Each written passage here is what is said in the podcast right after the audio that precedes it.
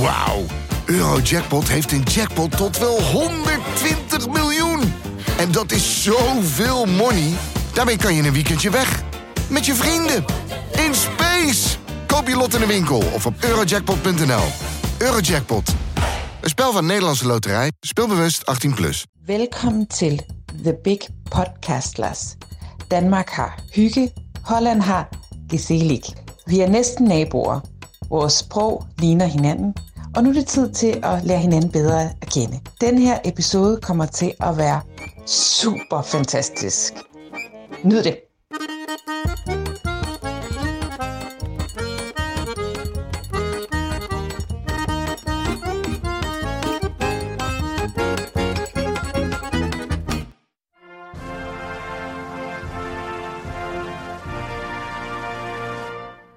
Denemarken. Als wij niet het meest platte en grauwe land ter wereld waren, dan waren zij het wel. Luxe en keurig. Maar is het ook spannend? Een typische Deen is een fietsende viking die met Lego speelt. Maar Denen zijn ook vernieuwers. Deen staat voor hip, duurzaam en modern. En bovendien staan ze hoog op zo'n beetje alle lijstjes waar je hoog op wil staan. En ja, een land dat zoveel op ons lijkt, dat moet toch absoluut de moeite waard zijn voor een aflevering als deze? Aan het einde van deze podcast beantwoorden we de drie vragen die jullie gewend zijn. Waar moeten we dit land verbellen als we een probleem hebben? Wat gaan we missen als Denemarken ophoudt te bestaan? En wat zouden wij doen als we één dag in Denemarken zouden zijn? En waar zouden we zijn zonder onze twee nieuwe vrienden van de show? Peter Menting en Anouk. Veel dank. Heel veel dank. We kregen ook nog wat leuke reacties eh, op Apple Podcast deze keer eh, van Marcella145. Mooie naam, hele mooie naam.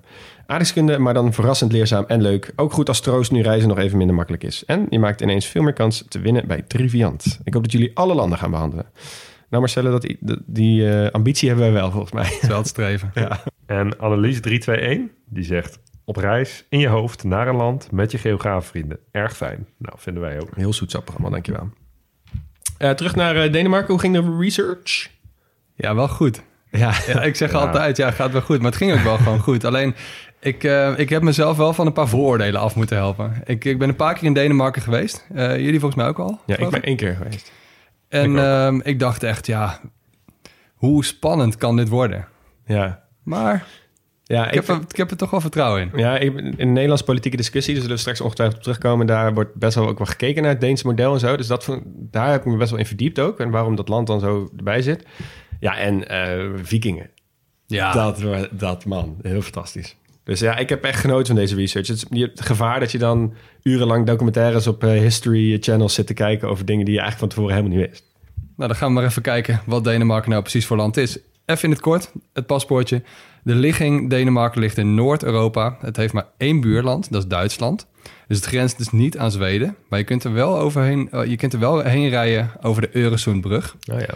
Denemarken is ook de bezitter van twee overzeese territoria. De Faroe, precies tussen Noorwegen, Schotland en IJsland ligt dat ongeveer. Ja. En Groenland natuurlijk. Dus Ja. afhankelijk van de definitie is Denemarken heel groot Ja.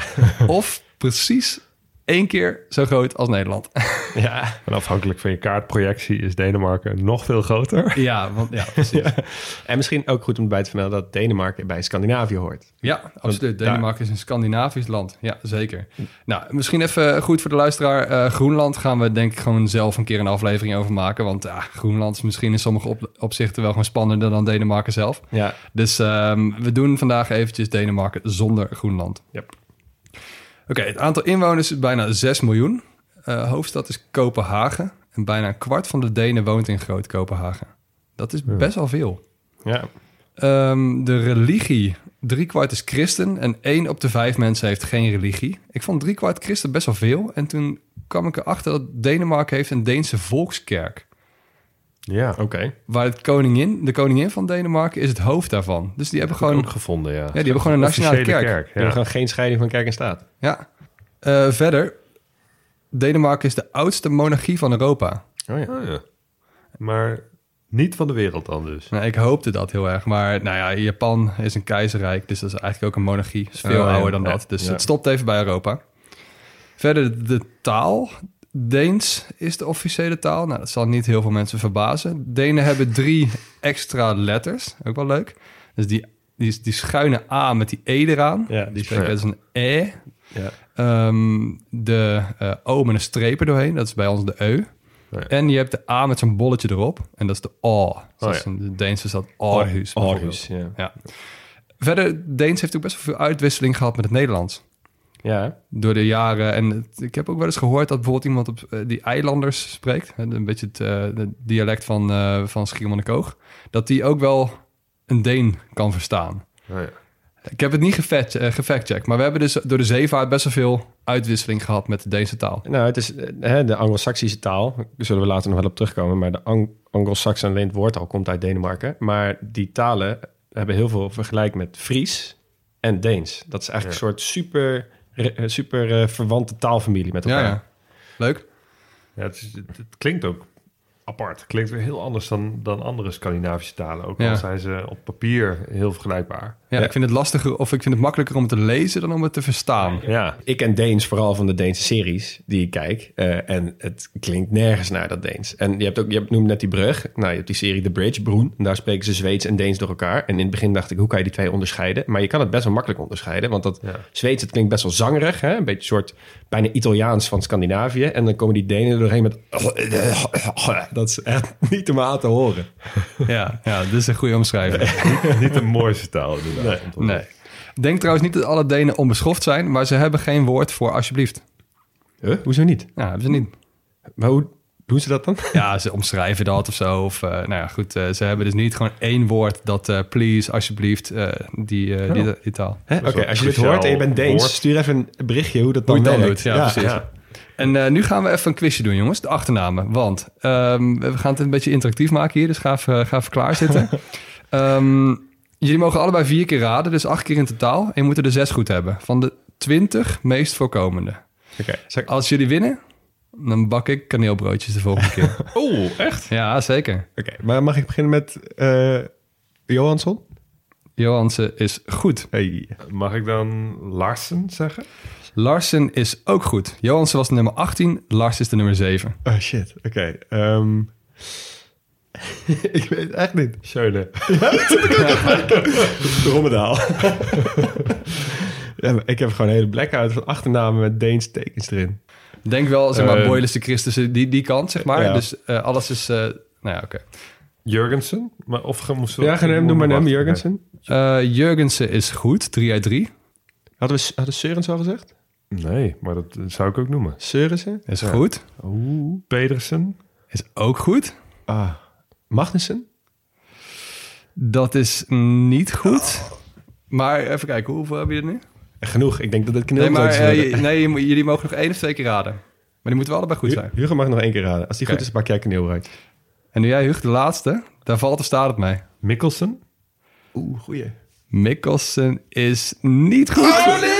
Die krijgen geen kaneelbroodjes. Ah, man. Nee, Dat was echt wel heel jammer. gok. Ja. nee, de, de, de top vijf, ja, die gaan echt jezelf in kop slaan. Maar het is Jensen, Nielsen, Hansen, Pedersen, Andersen, Christensen, Larsen, Sørensen. Nou goed, hè. Andersen natuurlijk. alles met Andersen Sun erachter. Dus Ja. ik had wel beter van jullie verwacht. Maar eh, we krijgen nog genoeg van dit soort, eh, van dit soort quizjes. Zeker. Nou, sluiten we even af met de vlag. Dat is een rode vlag met een wit kruis erin. Eigenlijk heel simpel. En dan komt hij. Het is ook de oudste nationale vlag ter wereld die nog in gebruik is. Ja. Oh joh. Ja. Vanaf de 14e eeuw. Ik wist dit. Want als je ziet ook al die Scandinavische landen met al die kruisen, dat is allemaal van de Oh, die Deense vlag. al. Oh, Ja. oh joh, oké. ja, interessant.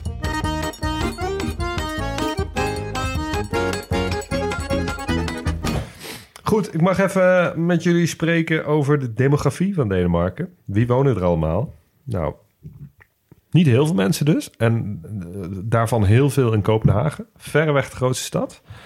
Ehm, Kopenhagen is ook echt een stad met heel veel voorsteden. De gemeente Kopenhagen is eigenlijk best wel klein. Gewoon iets meer dan 500.000 inwoners.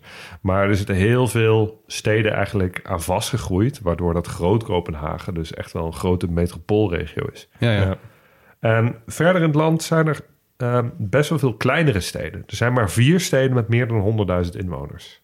Maar vier? Ja, maar vier. Ja, we hebben 6 miljoen mensen. Dat is ook niet heel veel. Nee, klopt. Maar... En als een kwart in Kopenhagen woont, dan ben je er al snel. ja, maar Nederlandse gemeentes met meer dan 100.000 inwoners... heb ik Ja, er dat toch zeker wel 20 van, 25. Ja, maar iets, iets meer mensen. Ja, ja oké. Ehm, en die mensen die zijn hartstikke gelukkig. Een van de gelukkigste landen ter wereld. Scoren heel Dat lees je vaak, echt eh, in het die dingen lijstje. terug. Ja. Overal staat gewoon, oh, Danish are one of the most happy people on earth. Ja, en, en eh, criteria op dat soort lijstjes zijn vaak kwaliteit van onderwijs en gezondheidszorg. Ja. Nou, dat is in Denemarken gewoon heel goed, eh, goed voor elkaar over het algemeen. Ehm, Denemarken is eh, etnisch oorspronkelijk tamelijk homogeen. Oké. Maar de laatste decennia is er veel immigratie geweest naar Denemarken. Het is, nou ja, om dezelfde reden als dat het een gelukkig volk is, is het een populaire bestemming voor immigranten. Ja. Ehm, en er woont ook een Duitsstalige minderheid in Zuid-Jutland. Jutland is eigenlijk het eh, gedeelte van Denemarken dat aan het vasteland van Europa eh toebehoort.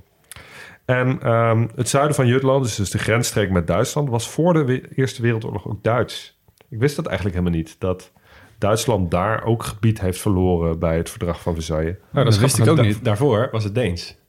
Ook nog. Ja, dus dat is, er is een net als de Elzas zeg maar een paar keer op en neer Ja, ik weet niet of het een paar keer is, maar ze hebben in ieder geval in eh, ergens eh, halverwege de 19e eeuw zijn ze dat land verloren geraakt aan Duitsland. En Ah. toen hebben ze ook een soort, zo'n soort nationaal trauma ontstaan. En hebben ze ook gezegd, we moeten dit, we moeten Denemarken meer van ons houden. Het is ons Denemarken. Nou ja, oké. Maar goed, er wonen nog steeds 25.000 mensen in Zuid-Jutland die nog Duits spreken. Dus het is een beetje vergelijkbaar met eh, de Duitse minderheid in eh, Oost-België bijvoorbeeld. Oh ja. Ja. Andere officiële talen in Denemarken zijn Faroe en Groenlands. Natuurlijk alleen op de Faroe-eilanden en op Groenland. Ehm, dan nog even over de opbouw van de steden gesproken. Wat ook wel eh, bijzonder is. Denemarken is het enige land ter wereld waar het woord ghetto officieel wordt gebruikt als aanduiding van bepaalde wijken. Dus zeg maar een wijk in Denemarken die het, eh, die het slecht doet. Met ehm, veel sociale huurwoningen bijvoorbeeld. Met veel mensen met een lage sociaal-economische status. Wordt daar gewoon aangeduid als ghetto. Ook in overheidstermen. Ehm, een beetje als een soort vogelaarwijk in Ja, Nederland. precies. Ik wil net zeggen, is waarschijnlijk een politiek besluit geweest... om het in ieder geval niet te noemen naar de minister destijds... maar gewoon ghetto te noemen. Ja, Ja. precies. Nou, in Denemarken hebben ze dat dus gedaan. Geen krachtwijken en prachtwijken in Kopenhagen. Nee, Ja, nee. En als we het hebben over inwoners van Denemarken, dan ontkomen we er ook niet aan om het even te hebben over Vrijstad Christiania. Ehm, een gedeelte, eh, of een, eigenlijk een klein wijkje, mini-wijkje in Kopenhagen, wat zichzelf soort van onafhankelijk heeft verklaard. Eh, het is een verlaten kazerne. Ehm, in 1970 hebben krakers zich daar gevestigd. En eh, nou, dat waren hippies, anarchisten, kunstenaars. Een beetje het eh, typische, het krakerstype eigenlijk. In het begin probeerde de, deze regering die krakers eigenlijk een beetje weg te krijgen. Maar vanaf eind jaren 70 werd het een beetje een... Ja, getolereerd als van, eh, nou prima, het is een soort Ja, sociaal er. experiment. Eh, Ja. we laten dit gewoon zoals het is. Sommige huizen die zijn eh, gebouwd op een gebied waar de Deense regering van zegt van ja, nee, daar willen we de historische wal herstellen, want het is gebouwd op een, op, ja, op een oud fort met die oude kazerne. Ehm, dus er is veel illegaal gebouwd. Dus daar zijn veel strubbelingen over, ook nog steeds wel, over, over wat daar nou precies mee moet. Ehm, ander punt van discussie is eh, de vrije handel in softdrugs. Ja, daar Ja. ken ik het van. Als Ja, ik vroeger had iedereen het altijd over Christiania. Daar, eh, Ja, ja, ja. harddrugs zijn er verboden, maar ehm, softdrugs wordt openlijk eh, gedeeld eigenlijk tot, tot grote frustratie van de, van de Deense regering. De laatste tijd is eigenlijk over de eigendomssituatie is er wel redelijk overeenstemming. Er wordt nu ook een, een beperkte mate van huur betaald door de bewoners van Christiania aan de stad Kopenhagen om daar te mogen, mogen zitten. Maar het, eh het drugsdealen is nog wel onderwerp van discussie. In ehm, 2002 eh, vroeg de, de regering om wat minder openlijk in eh softdrugs te handelen. Dus wat hebben ze gedaan? De hashkraampjes, die hebben ze in camouflagenetten gehuld. En, eh, vind ik leuk. ja, ehm, en eh, uiteindelijk zijn ze, zijn ze eh, als demonstratieve actie door de bewoners afgebroken, die hashkraampjes, omdat ze eigenlijk dat, eh, het beleid van de overheid zat waren dat ze die, nou, dat ze, dat ze die, die handel van softdrugs zo ondermijnden. Ja. En ehm, eh, in 2004 hebben, heeft de politie een grote inval gedaan in Christiania en heeft het, de, de hashhandelaars eigenlijk verwijderd.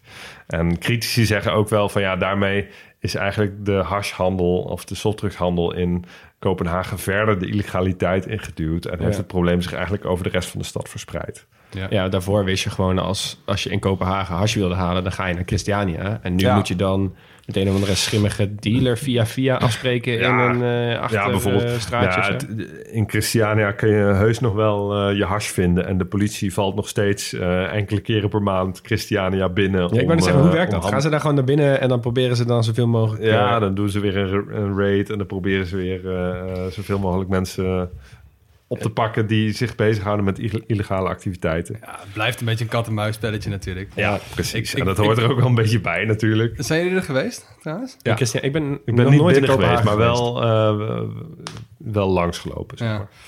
ja, ik ben er een, een middagje geweest ooit, maar ik, ik kreeg er een, beetje- een beetje een gek gevoel van. Ik vond het heel tof dat dat midden in, de, in, in zo'n grote, dure stad kan. Dat sowieso. Ja. Maar het was ook best wel toeristisch geworden. En ik Ja. denk ook niet dat, Oh, ja. dat de, ori- eh, de originele krakers zien dat echt helemaal voor ogen had. ja. Oké, heren, ga er eens even lekker voor zitten. Ik heb zin in dit hoofdstukje. We gaan het namelijk hebben over de viking. Ja, zet je helm eh, met je, met je horens maar Zet je op. helemaal op en eh, bedenk maar een goede list, Wiki. Want we gaan, we gaan het hier eventjes goed over hebben. Ehm, even vooropgesteld. Het is geen eh, Alle Geschiedenis Ooit podcast. Dus ik ga, ik ga niet alles vertellen over hoe al die lijntjes lopen... tussen alle landen en vorsten en onderlinge banden en whatever. Maar gewoon even een beetje een grote lijn. En ik ben ook geen expert, dus eh, bear with me hier. Maar ik probeer het er even doorheen te doen. Allereerst, een viking is dus eigenlijk een beroep. Het is niet een soort, oh, je bent geboren als viking. Nee, je wordt een viking. En een viking, eh, op viking gaan, betekent eigenlijk net zoveel als gaan roven of gaan piraten. Maar vikingen deden zelf ook heel veel handelsmissies. en eh, dus op die manier is zeg maar, de viking ontstaan. Eh, en het verhaal van de viking begint eigenlijk in het jaar eh, 793, na Christus dus. Ehm, omdat toen de Noorse vikingen in Engeland waren geland tijdens de eerste officiële vikingaanval. Eh, en dat zijn dus tot op de dag van vandaag nog steeds de meest bekende en beroemde vikingverhalen. Dus mensen denken aan vikingen, dan zien ze van grote gasten met lang haar en, eh, en de zwaarden en, en bijlen en dat soort dingen. Eh zij waren zeevaarders en dat was voor die tijd best wel uniek. Want heel veel eh, landen die deden allemaal onderlinge dingen. En kleine, eh natuurlijk bootjes werden wel gebruikt. Maar echt zeeën oversteken, dat gebeurde niet zoveel. Ze waren dus zowel plun- plunderaars als handelslui. En eigenlijk heb je grof gezegd drie soorten vikingen. Je hebt de Noorse, de Zweedse en de Deense vikingen. Die Noorse vikingen, dat zijn de lui die zeg maar via IJsland en Groenland helemaal naar Amerika zijn eh, gevaren. Hè? De Leif Erikssons en eh, de Erik de Rooije, dat soort types. Ja. Dan heb je de Zweedse, die gingen de andere kant op. Dus die gingen richting Rusland en de Baltische Staten. Eh, ze zeggen dat het woord Rus ook van, het, van de vikingen komt bijvoorbeeld. Ze hebben echt overal in sporen nagelaten. En de Deense, waar we het dus vandaag een beetje over gaan hebben... die zijn meer richting Engeland en Ierland en Noordzeekust gegaan. Helemaal tot aan Portugal eigenlijk. Ze hebben ook Italië, er zijn ze ook nog plekken geweest. En zelfs helemaal handelsmissies tot aan Kiev en Constantinopel. Ja, ik weet wel dat die, ehm, de reden dat bijvoorbeeld eh, Denemarken en Zweden zo'n fan zijn van cardamom in hun eten en broodjes en, en, en koffie zelfs ook, is ook doordat ze dat allemaal mee hebben genomen van, van origine, allemaal ja. uit Constantinopel. En van de zijderoute met Marco Polo. Ja. Dus zo was die hele wereld Zoals toen wij al. fan van speculaties zijn vanwege Exact, ja. kaneel en dat soort. Maar Ja. dat dan inderdaad heel lang geleden. Ja.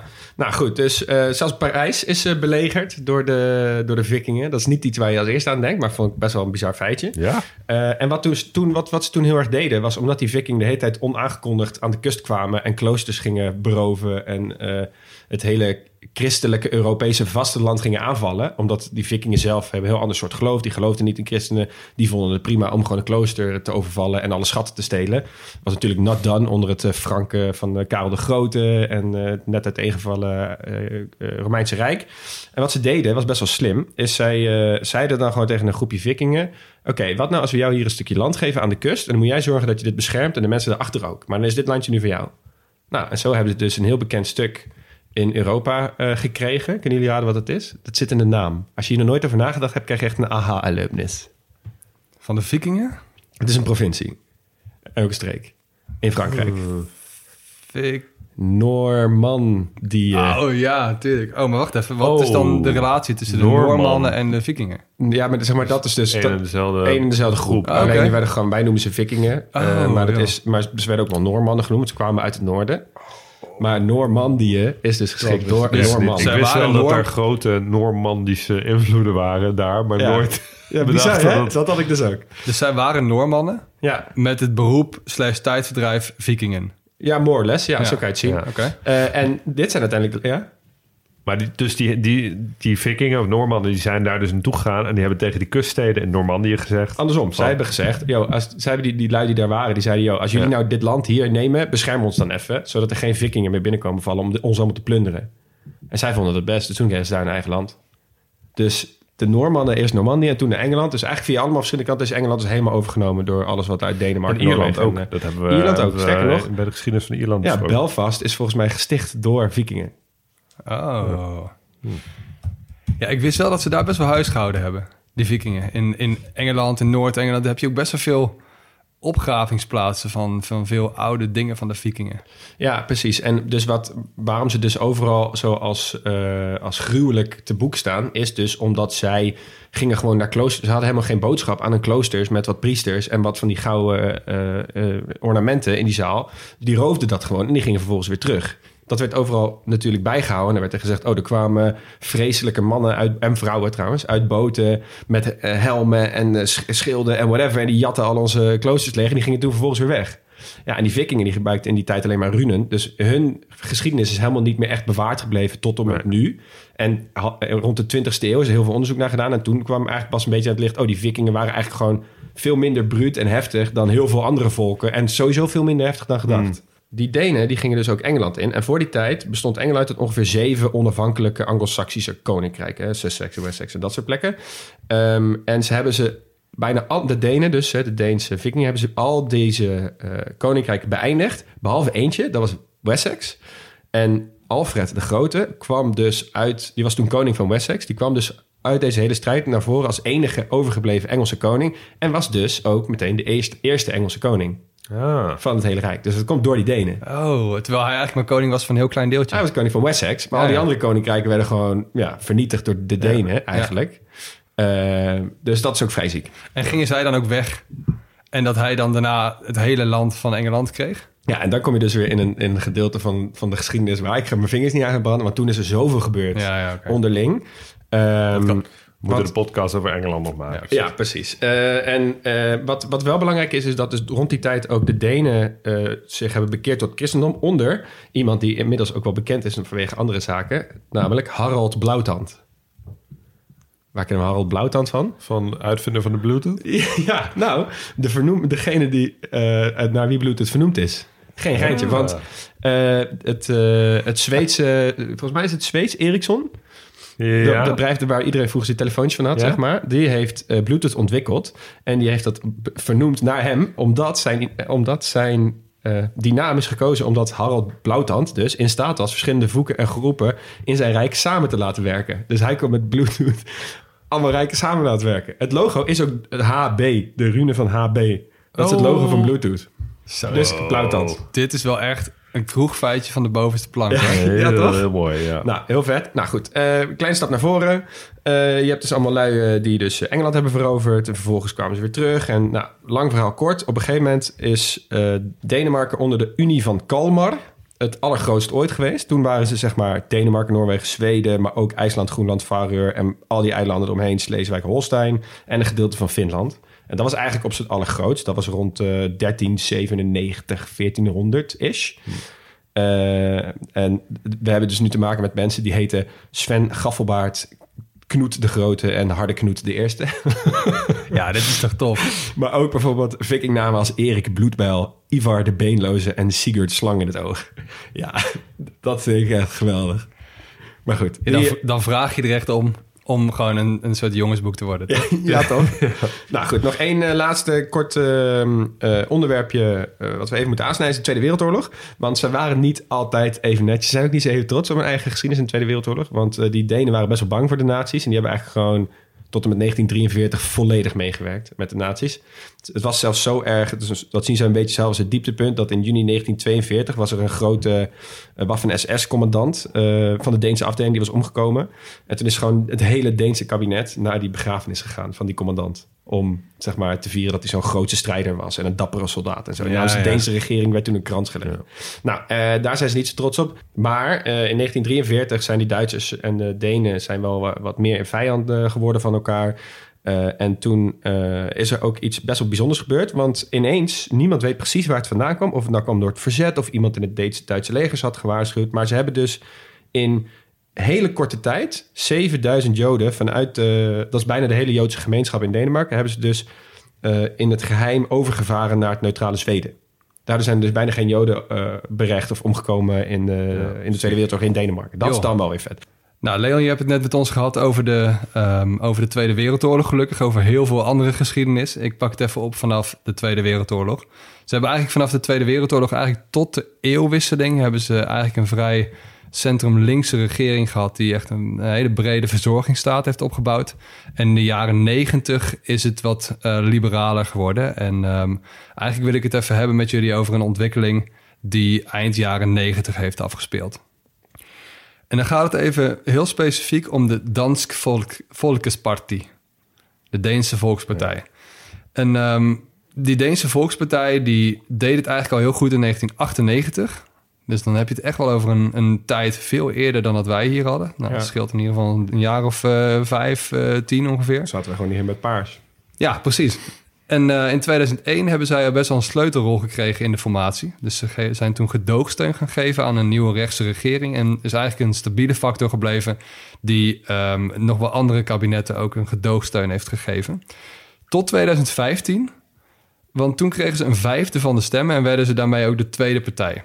En ik kan me echt nog wel herinneren dat ik toen voor de eerste keer hoorde... over nou ja, de kant die Denemarken opging... en dat er heel veel zorgen waren eigenlijk wel vanuit veel Europese landen...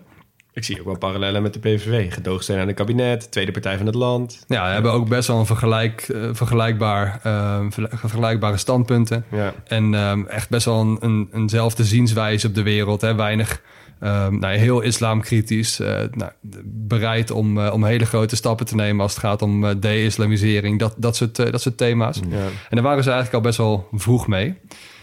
Nou, ze hebben best wel wat invloed gehad ook op overheidsbeleid. Dus denk echt aan bijvoorbeeld een, een overheid die steeds rechtser wordt... een steeds grotere afkeer van de sociaaldemocratie. Juist die het land hun verzorgingsstaat heeft geschonken natuurlijk. Ja. Ehm, ze hebben zelfs wijken aangewezen die te ondeens zijn...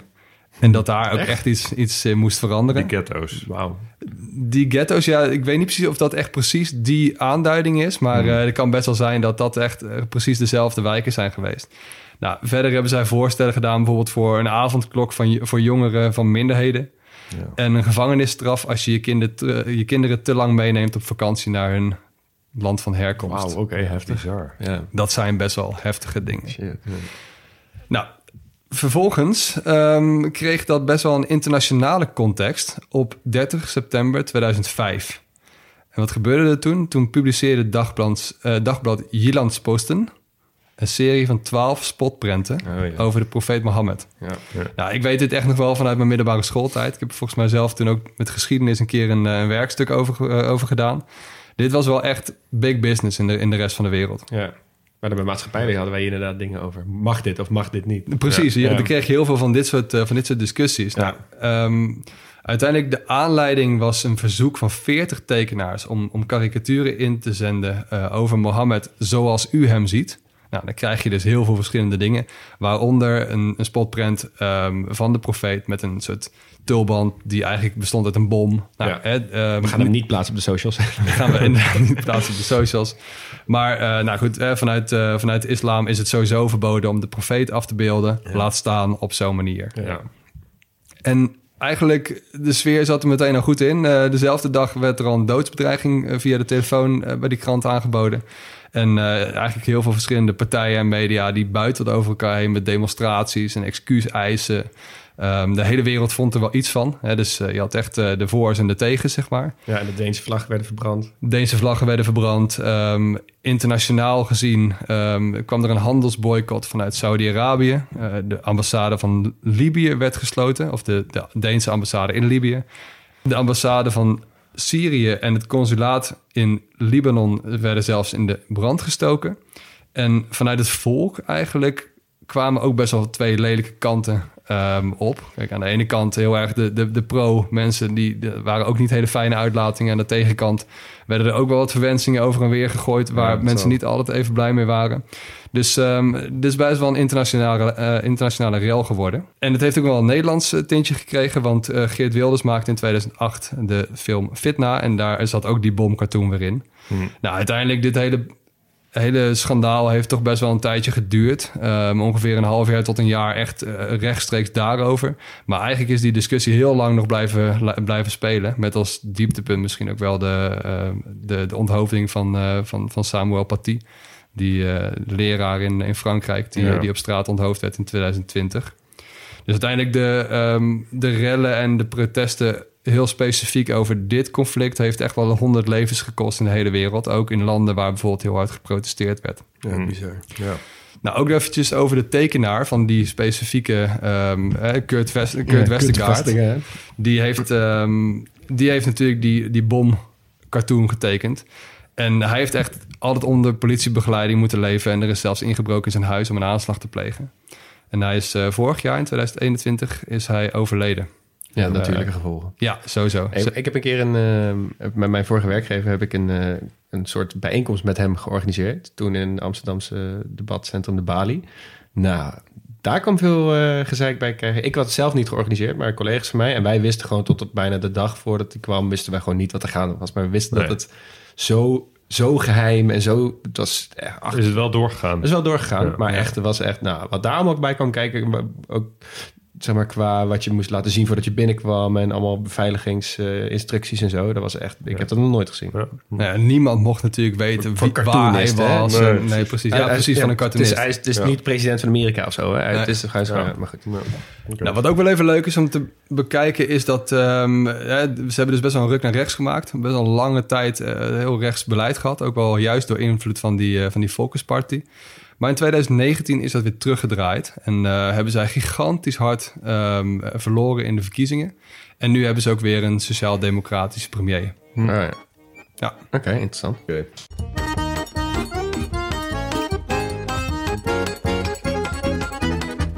Oké okay, jongens, ik mag het hebben met jullie over fysiografie. En uh, ik vind Denemarken fysisch echt, denk ik, het saaiste land ter wereld. en ja, ik ben ongenuanceerd. En ja, als je verder kijkt, is het vast heel interessant. Maar ik ben een Nederlander. en ik denk dat Denemarken het land is dat het meest op Nederland lijkt van alle landen in de wereld. Dus voor mij is het gewoon niet heel bijzonder. Het is plat. Het hoogste punt van Denemarken is 170 meter. Dat is, dat is nog minder 200, dan de Vaalselberg. Ja, ja, maar niet, de, helft. de helft van de Vaalselberg. Ja. Ze hebben Waddeneilanden. Best ja. wel mooi natuurlijk, maar ja, voor ons niks bijzonders. Uh, ze hebben het hele land ontbost, net als wij, en uh, plaats gemaakt voor weiland. Ja, saai. Um, je hebt dus ook geen toffe dieren, want daar moet je maar niet alles, uh, alles ontbossen. hebben ze geen cloaca-dieren. hebben ze wolven? Hebben ze wolven? Ja, vast wel, want die lopen allemaal over in Duitsland. Er komen geen grote natuurrampen voor. Het klimaat is in meerdere opzichten supermatig.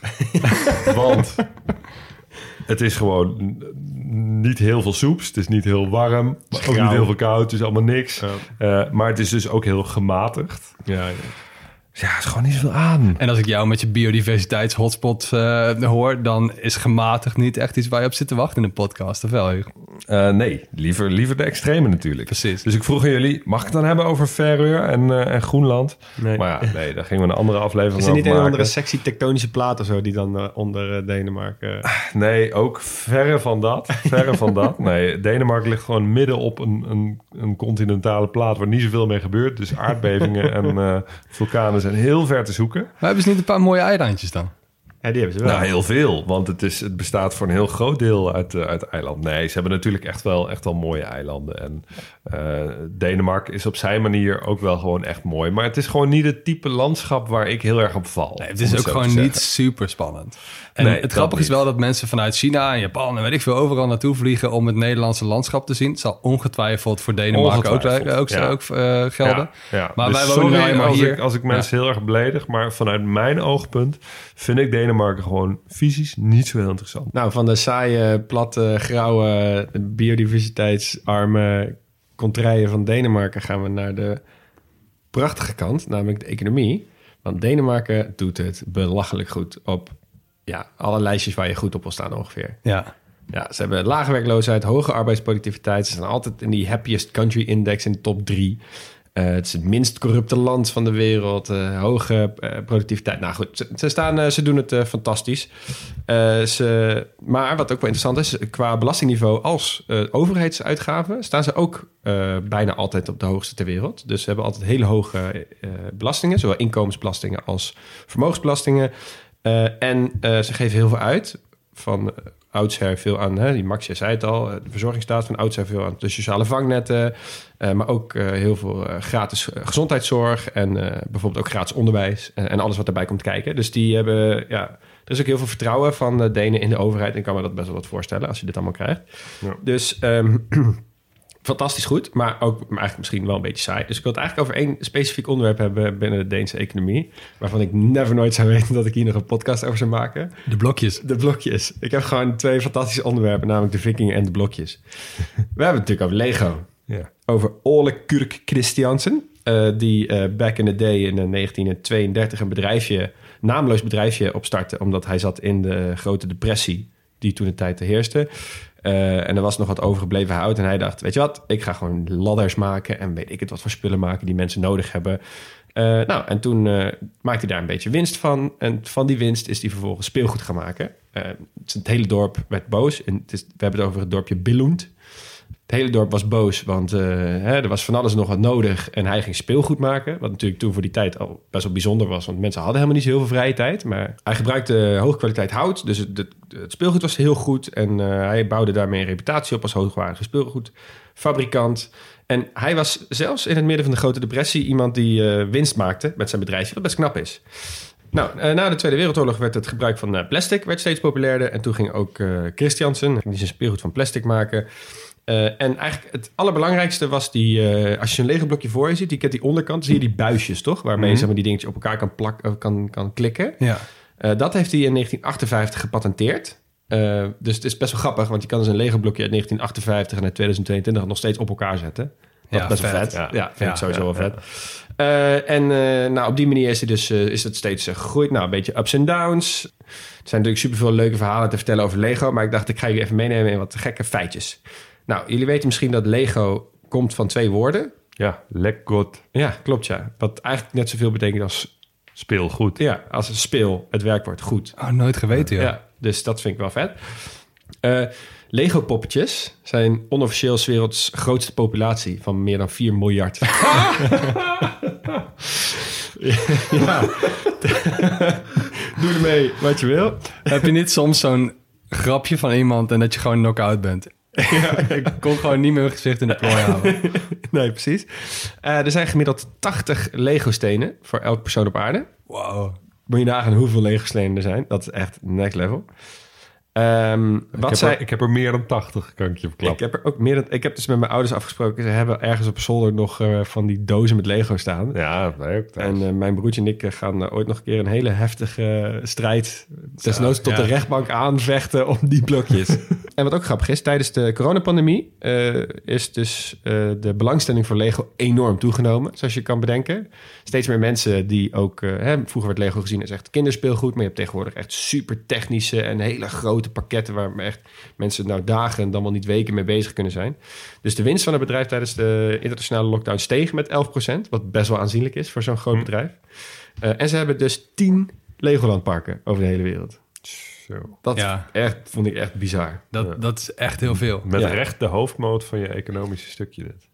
ja, ja, toch? Ja, Ja. Nou goed. Nou, Hey Leon, wist je dat ehm, Lego ook wel een voorbeeld is van merkverwatering? Merkverwatering is eigenlijk het idee van... Nou ja, Lego is ook gewoon een soort soortnaam geworden. ja, dus dus als het is niet alleen met op elkaar merk. kan plakken, dat, dat, is dat een, een Lego. Precies. En dit vind ik wel even leuk om bij stil te staan. Eh, noem maar eens een letter. Huug, noem maar eens een letter. A. De A. Nou, dan heb je dus airfryer en aspirine.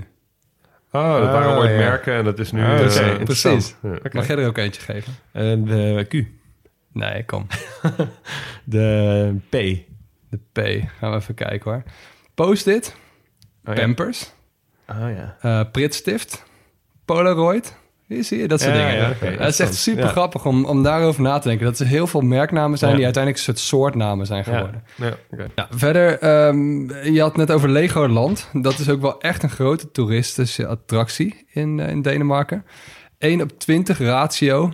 Ehm, hè, dus 1 op 20 bouwen ze alles na.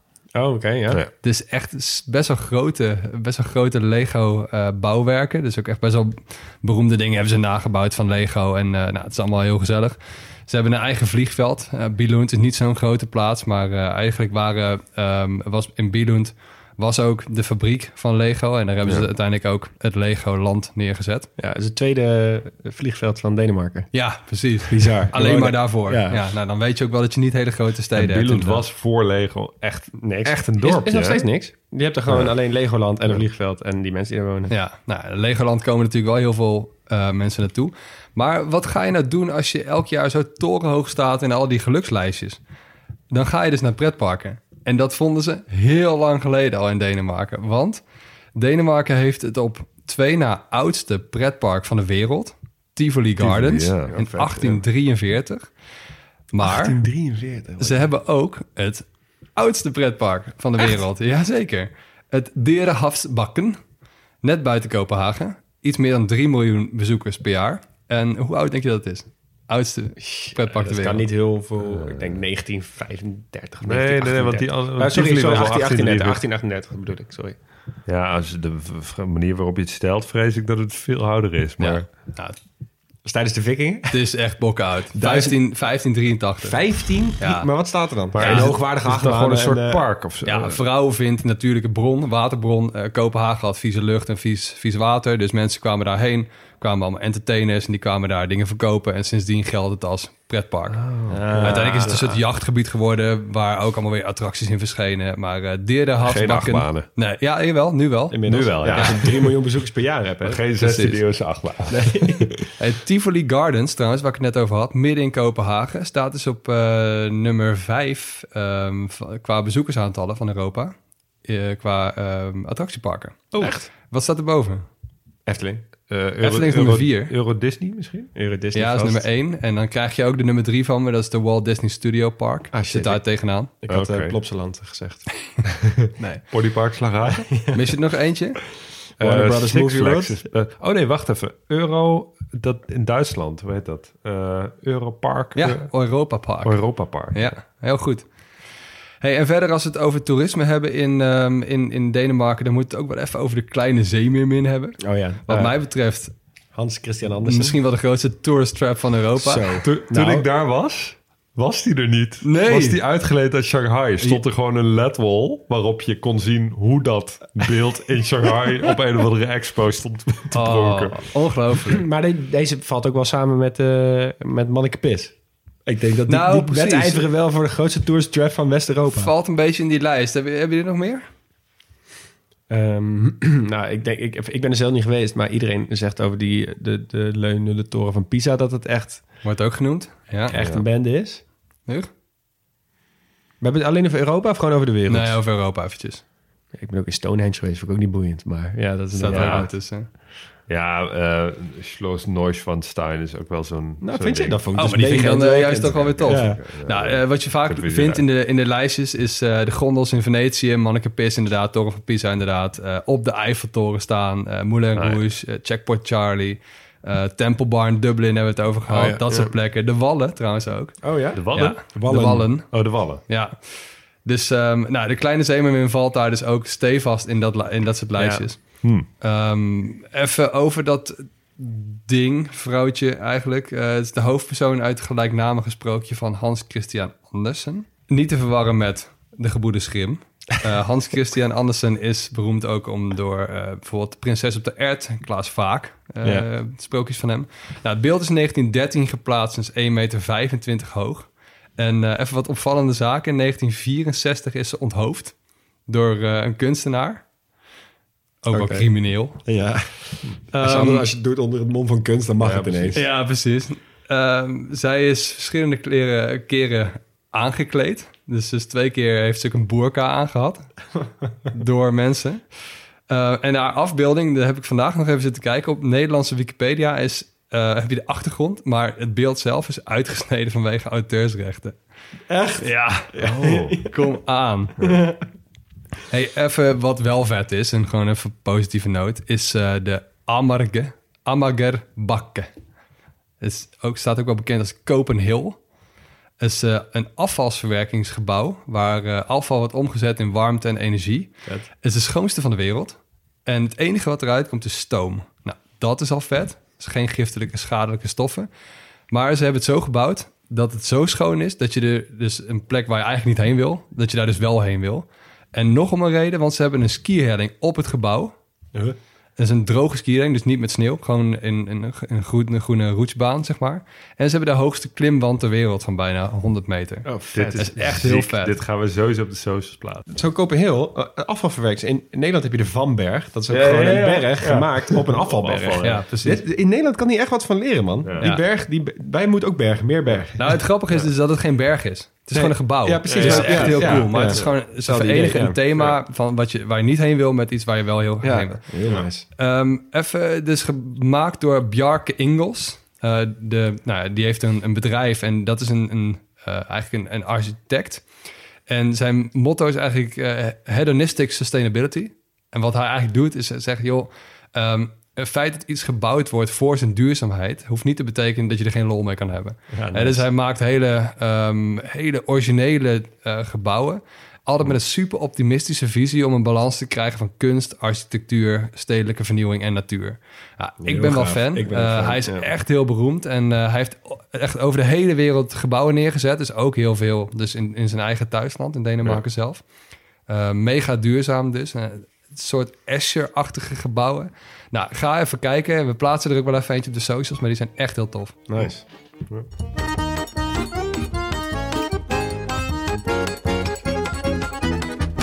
Oké, ik mag het hebben over kunst. En eh, in Denemarken hebben we het dan al heel snel over series. Ja, zo. Ja, Want- groot fan hier. Ja, ik ook. Eh, ja, ik kan een hele lijst op gaan noemen, maar ehm, ik doe er even, even drie. Ehm, Heb je een favorietje? Kan je ook gewoon droppen. Ik ben mijn favoriet is denk ik wel Borgen. Ja, mijne ook. Ah, maar ik, ik vond Borgen zo vet, een politieke serie. En ehm, ik, ik weet niet, ik, ben, ik, ik volg politiek wel. Ik vind politiek wel interessant, maar ik ben er niet echt in thuis. Leon, jij hebt in de politiek gewerkt. Eh, Ja, jij wel. om te kijken, ja. Ik, ik was bij Borgen, had ik op een of andere manier altijd het gevoel van... ja, maar dit, dit kan gewoon. Dit, zo Ja, kan het ja, gewoon maar dat zijn. kan ook serieus gewoon zo zijn. Die ervaring had jij ook. Ja, want, ja. ik zat er te kijken en dan was het heel snel van... nou, dit zou een woordvoerder niet zo snel zeggen. Maar verder was het gewoon, zou het zo prima Ja. eh, ook in Nederland Ja, ik denk als ik één serie moet noemen als beste serie die ik ooit heb gezien, dan zou ik toch Borgen noemen. Ja? Ja? Zit je nog hoe zit je in je Deense series? Dan ga ik kijken, Borgen. Ja, ik zou het zeker doen. Ja, ik zou het zeker doen. Ja. Wat ook wel grappig is, is ehm, eigenlijk is wat er in Borgen is gebeurd. eh, heeft best wel parallellen met wat er in die tijd in eh, deze politiek daadwerkelijk gebeurde. En dan is natuurlijk de vraag van ja, wordt, wordt het volk beïnvloed door wat het op tv ziet? Maar ehm, tegelijkertijd eh, in, in Borgen is een vrouwelijke premier. Nou, Tegelijkertijd kwam in Denemarken ook daadwerkelijk een vrouwelijke premier aan de macht. Eh, en ook de coalities waar, eh, waar die in zat, die kwamen heel erg overeen met de coalities waar eh, in Borgen over, over werd gesproken. Dus eigenlijk werd de, ja, de, de werkelijkheid en de serie ging, liepen telkens in elkaar over. Ehm, ja, een andere fantastische serie, The Killing. Ja, Ook echt mega goed. The Bridge natuurlijk. Beroemd. Ja, die, die heb ik dan weer niet gezien, want ja, mijn vriendin heeft hem al gezien. Dus dan ga je hem niet samen nog een keer kijken. Dus ik zou hem zeker ik, nog ik zoek nog een maatje om een keer de bridge mee te kijken.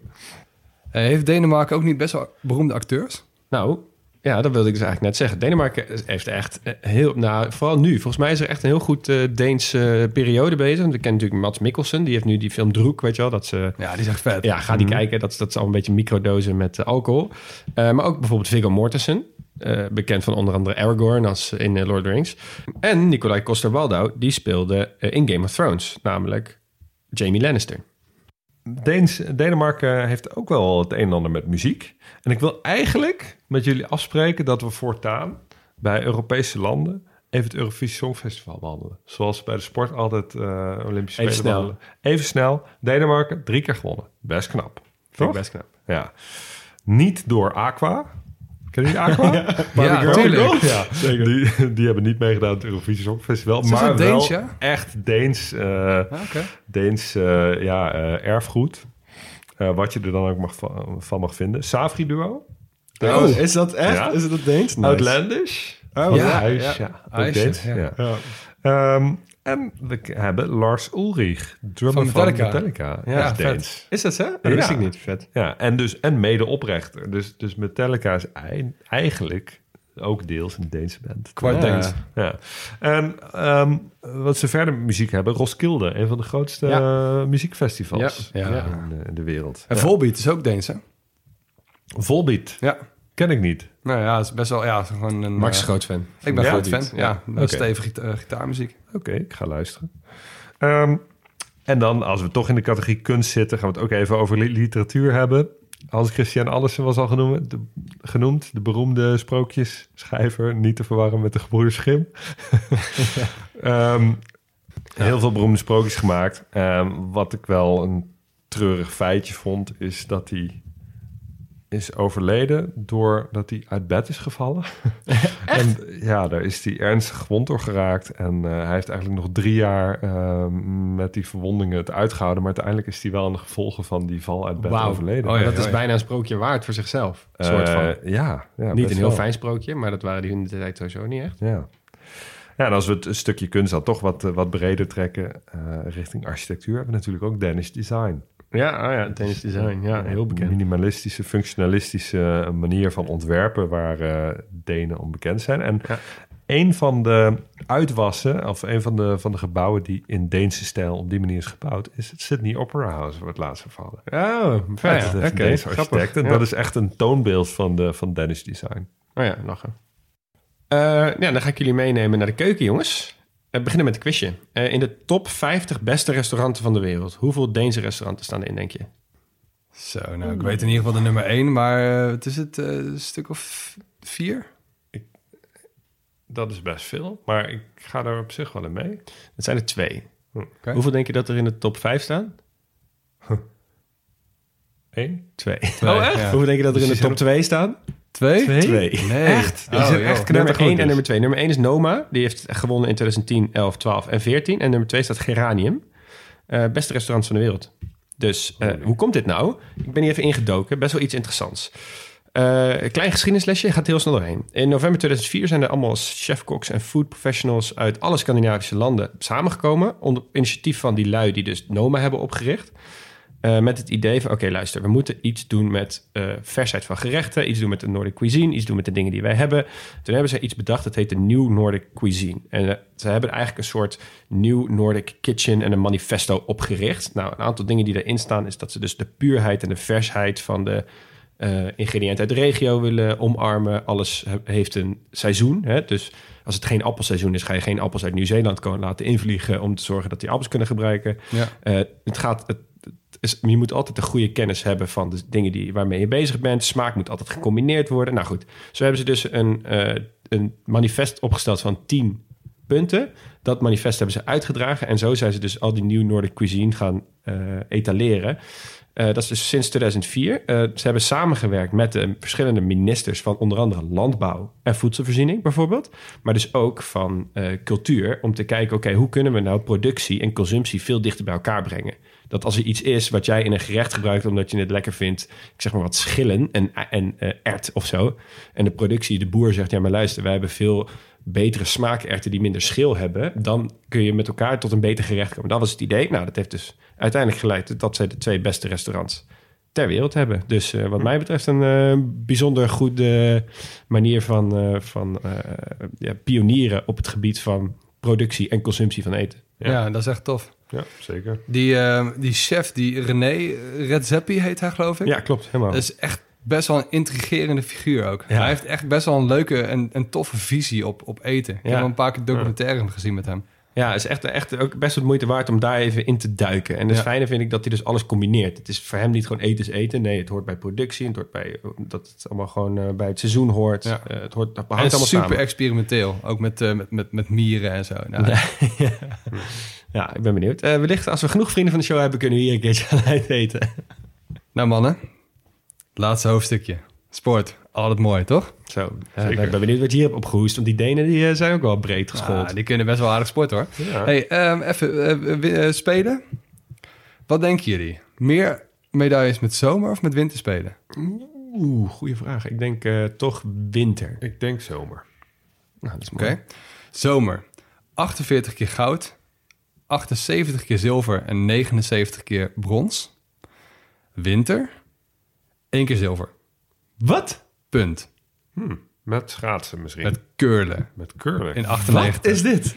Hebben ze geen Denemarken heeft niets gehaald. Geen één keer goud.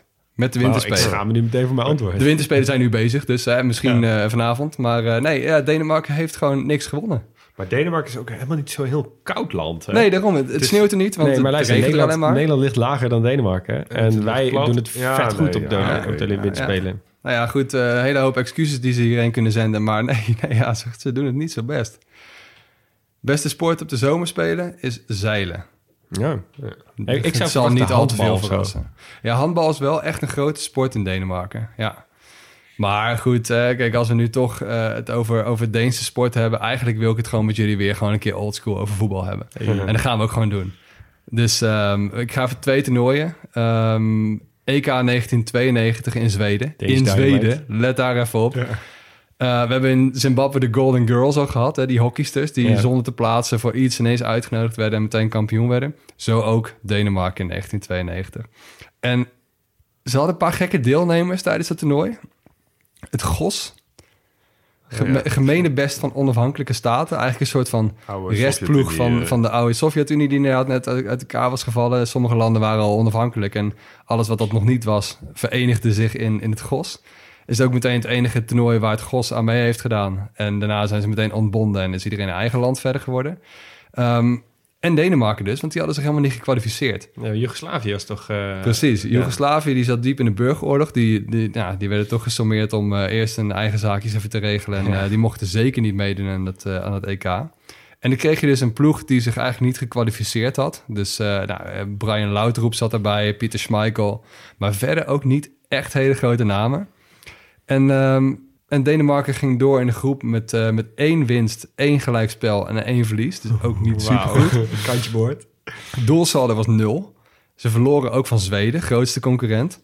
Maar ze wonnen wel van Frankrijk. En Denemarken en Zweden speelden, eh, speelden eigenlijk Engeland en Frankrijk naar huis. Want die vielen af in de poolfase. Dus dat was eigenlijk al een eh, Handig. stuntje. Ja. En toen moesten ze tegen Nederland. Hebben ze het met penalties gewonnen. Van Basten miste de enige penalty. Nederland was eigenlijk al bezig met de finale... die ze dan tegen Duitsland zouden mogen spelen. Nou, hebben ze zich redelijk verslikt in, eh, in Denemarken. En ehm, toen, eh, toen hebben ze de finale tegen Duitsland gespeeld. Nou ja, en eh, dat, dat is gelukt. Dus Ja. ze hebben gewoon dat EK gewonnen zonder dat ze zich hadden gekwalificeerd. Echt geniaal. Ja, dat, volgens mij zijn ze daar nog steeds heel blij mee. Die Danish Dynamite team. Absoluut. En toen was er eigenlijk een hele lange soort van droogte. Want eh, hebben ze eigenlijk op voetbalgebied niet zo heel veel gepresteerd. En toen kwam het EK 2020. Gespeeld in 2021 natuurlijk. Oh, echt eh, over, hele, over heel Europa is ze gespeeld. En wat wil nou? Ze speelden Deense hoofdstad Kopenhagen. Hun eerste pot tegen Finland. En toen was het 12 juni 2021. En toen gebeurde er iets wat jullie nog heel goed weten waarschijnlijk. Ja. Waar heb ik het dan over? De hartstilstand van Christian Eriksen. Precies. Ja, Christian Eriksen was eh, de absolute sterspeler van het Deense team. Oudspeler van Ajax ook. En ehm, eigenlijk tijdens die pot in de 43ste minuut... Joachim Melen gooide de bal vanaf de linkerzijlijn naar Christian Eriksen. Die, eh, die stortte eigenlijk in, hartstilstand. En wat er toen gebeurde was gewoon heel lang... niemand wist het. En ik kan me nog heel goed die beelden herinneren van die aanvoerder, Simon Kjær... die Ja. het hele team om hem heen Ja. liet staan... Ja. om gewoon een soort afscheiding te, te vormen... zodat niet alle camera's erbij konden... zodat niet iedereen kon zien wat er allemaal aan de hand was. En ehm, ik heb achteraf, ik heb even gelezen... dat het Deense team daardoor zoveel populairder is geworden. Oh, dat In Europa Ja. speelden ze best wel leuk, leuk, leuk voetbal. Dus in Europa waren ze sowieso wel positief. Maar in eigen land waren ze voor dat toernooi... hadden ze helemaal geen zin in dat toernooi. Oh, dat zal. Want ze hadden 19, sinds 92 hadden ze eigenlijk niks meer bereikt. Het was helemaal geen nationale trots meer die ze, die ze bereikten. En het volk ja, had eigenlijk handbal een beetje omarmd als nieuwe nationale sport. En toen kwam dit dus. Ja. Ja. ik weet het nog heel goed, want ik weet nog dat Kier, die stond daar inderdaad... en hij had drie dingen heel goed gedaan. Volgens mij had hij meteen gezien dat het niet goed ging met Eriksen... en zijn tong uit zijn mond getrokken. Eh, meteen gezegd dat iedereen in een kring om hem heen moest staan. En de vriendin van, eh van Eriksen, die kwam het veld op... en hij heeft haar meteen getroost. En daar waren foto's van. Ja. Nou, ja, ik, dat echt is zo merg en been. echt hoe exact. zij huilde. Zo, maar ook, ja, maar goed. Ja, echt, eh, echt verschrikkelijk beeld. Maar tegelijkertijd zit iets heel moois in zo'n verschrikkelijk beeld. Ja. En het Ja. gaat goed met hem, hè? Hij heeft zijn debuut, Echt eh, zijn rentree weer gemaakt. Ja, ja, hij wilde dus in Engeland of in, in Italië blijven voetballen. Want hij speelde in, eh, bij Inter in, in Milaan. Maar hij mocht niet doorvoetballen in de Serie A omdat hij met een pacemaker speelt. Ja. Dus hij is nu naar, eh, naar Brentford, geloof ik. Hè? Ja, hij heeft nog een tijdje bij Ajax getraind. Het was bij ons nog grote hoop dat hij misschien stiekem toch zou aansluiten bij de selectie, maar het mocht niet zo zijn.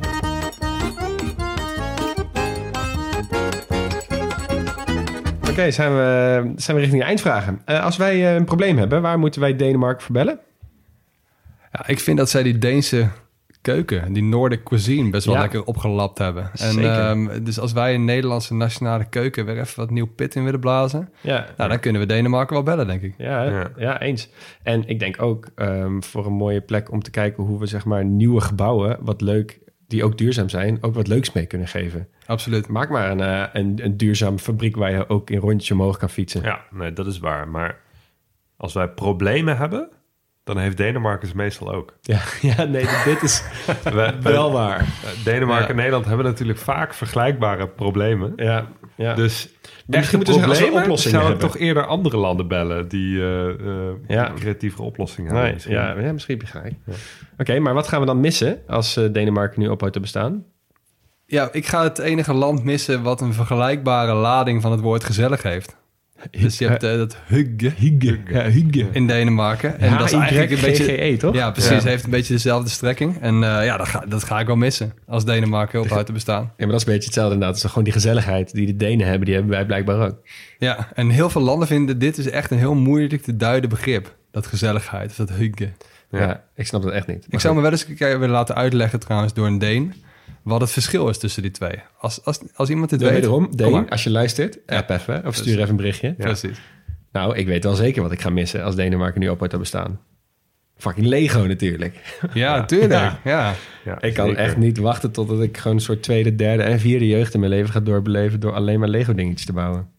Ik ga de serie missen. Ja, ik, ik- Ja, zeker, absoluut. het, het is nog net niet dat ik eh, nieuwe series uitzoek op dat ze Deens zijn. Maar ik klik gewoon heel graag door op eh, suggesties die Nou, mij gedaan worden nadat ik weer een Deense Precies, serie nou, heb. dat is grappig dat je het zegt. Maar, zeg maar toen het afgelopen jaar in één keer Netflix opende... er stond Kastanjemanden en ik zag Ja. Deense serie aangeklikt. Geen seconde spijt van Nee, gehad. nou, ik ben nu op die reden begonnen aan Follow the Money. Ook nog geen seconde spijt van gehad. Nee, precies. Alright, en als wij één dag in Denemarken zijn, wat gaan we dan doen?